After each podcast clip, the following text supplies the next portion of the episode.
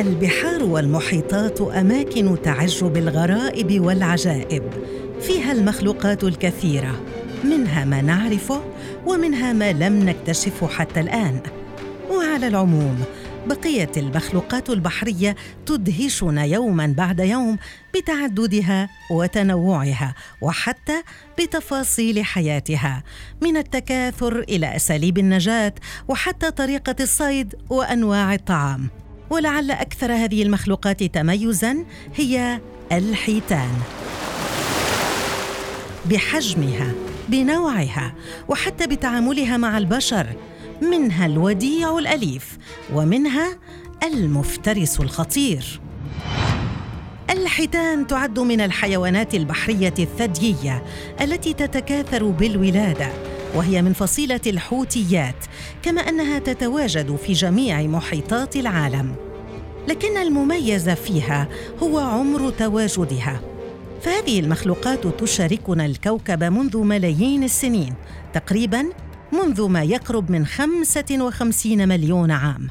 فهي تنحدر من مخلوقات ما قبل التاريخ ولعل حجمها وانسيابيتها هما ما ساعداها في النجاة من الكثير من الكوارث. وهذا ما جعلها محل دراسة للكثير من الأبحاث والعلوم على اختلافها. هذه الثدييات البحرية تنقسم بشكل رئيسي إلى نوعين. الأول هو الحيتان البالينية والتي أخذت اسمها من الصفائح البالينية التي تكون في فمها.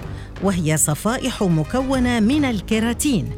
وبسبب هذه الصفائح فهي تتغذى على العوالق المائية ويتميز هذا النوع بوجود فتحتي نفث على الرأس.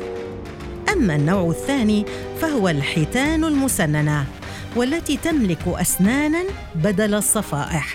وعليه فهي حيوانات لاحمة تتغذى على الكثير من أنواع الأسماك. كما أنها تتميز بتقنية السونار الحيوي أي تحديد الموقع بالصدى. والحيتان بطبعها كائنات اجتماعية تحب أن تكون في قطعان تتكون من عشرات الأفراد. كما أنها تقوم بهجرات موسمية فهي تهاجر شتاء نحو المياه الدافئة حيث تتوالد هناك. وفي الصيف تتغذى في مناطق خطوط العرض المعتدلة. عموما الحيتان من أطول الكائنات على كوكبنا وهذا الطول أعطاها أوزانها التي تكاد تكون خيالية. فلك أن تتخيل أن أكبر الحيتان يصل طوله إلى ثلاثين مترا وأصغرها يصل إلى 18 متراً. أما عن تشريح الحيتان فهذه الحيوانات لها جمجمة كبيرة تحتل ثلث طول جسمها. كما أنها تملك زوجا من الزعانف الصدرية أي في مقدمة جسمها وهي التي تضمن الحركة. أما الزعنفة الظهرية فهي تضمن لها التوازن والذيل هو بوضع أفقي على عكس الكثير من الأسماك مما يضمن لها قوة دفع هائلة. أما عن تنفسها فهي طريقة مميزة للغاية. فالحيتان تملك في أعلى رأسها ثقبا وهي تطفو على السطح تأخذ الهواء ثم تنزل لتبقى تحت الماء مدة ساعة أو أكثر. أما عن تكاثر الحيتان فأنثى الحوت تنضج في عمر السابعة.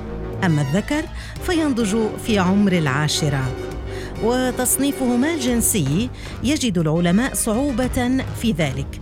فالذكور تخزن أعضاءها التناسلية في تجويف أثناء السباحة. وعملية التكاثر لدى الحيتان تنقسم لعدة مراحل فيمكن القول عن المرحلة الأولى أنها مرحلة المغازلة. وفي هذه المرحلة يتصرف الحيتان كالحيوانات البرية فيقوم الذكور بالصراع لكسب الأنثى. والمنتصر يقوم ببث الأصوات نحو أنثاه ويحتك بها وتكون هذه الفترة قبل الجماع ثم يتم الجماع بينهما. والنهاية حزينة جدا فبعد الجماع ينفصلان إلى الأبد لتعاد العملية مع أطراف مختلفين في الموسم القادم. بعد مرحلة المغازلة والجماع تبدأ فترة الحمل. التي تتراوح بين الأحد عشر والستة عشر شهرا وهذا وفقا لنوع الحوت. وبمجرد ولادة العجل أي ابن الحوت يعتمد بالكامل على أمه في الرعاية. وفي الكثير من الحالات تلد أنثى الحوت مولودا واحدا فقط. أما عن الرضاعة فالحوت الصغير أو العجل يستهلك 160 لترا من الحليب يوميا. الأمر الذي يتيح له الحصول على الدهون اللازمة لتجنب الحرارة الباردة. وبعد عام سيعيل هذا العجل نفسه ليعيش ستين عاما كاملا.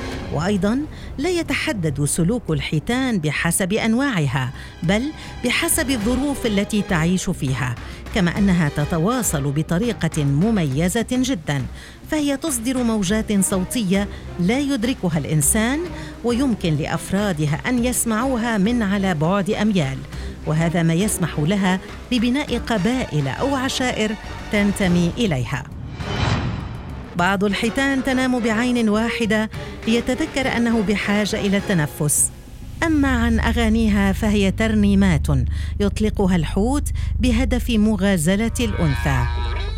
وتذكر بعض الدراسات أن الحيتان ترقص على بعض أنواع الأصوات التي تصدرها وقد تكون شبيهة بالموسيقى موسيقى البوب. وإلى اليوم لم تزل الحيتان على مختلف أنواعها تثير فضولنا الانساني والعلمي لاكتشاف ما تخفيه عنا من أسرار.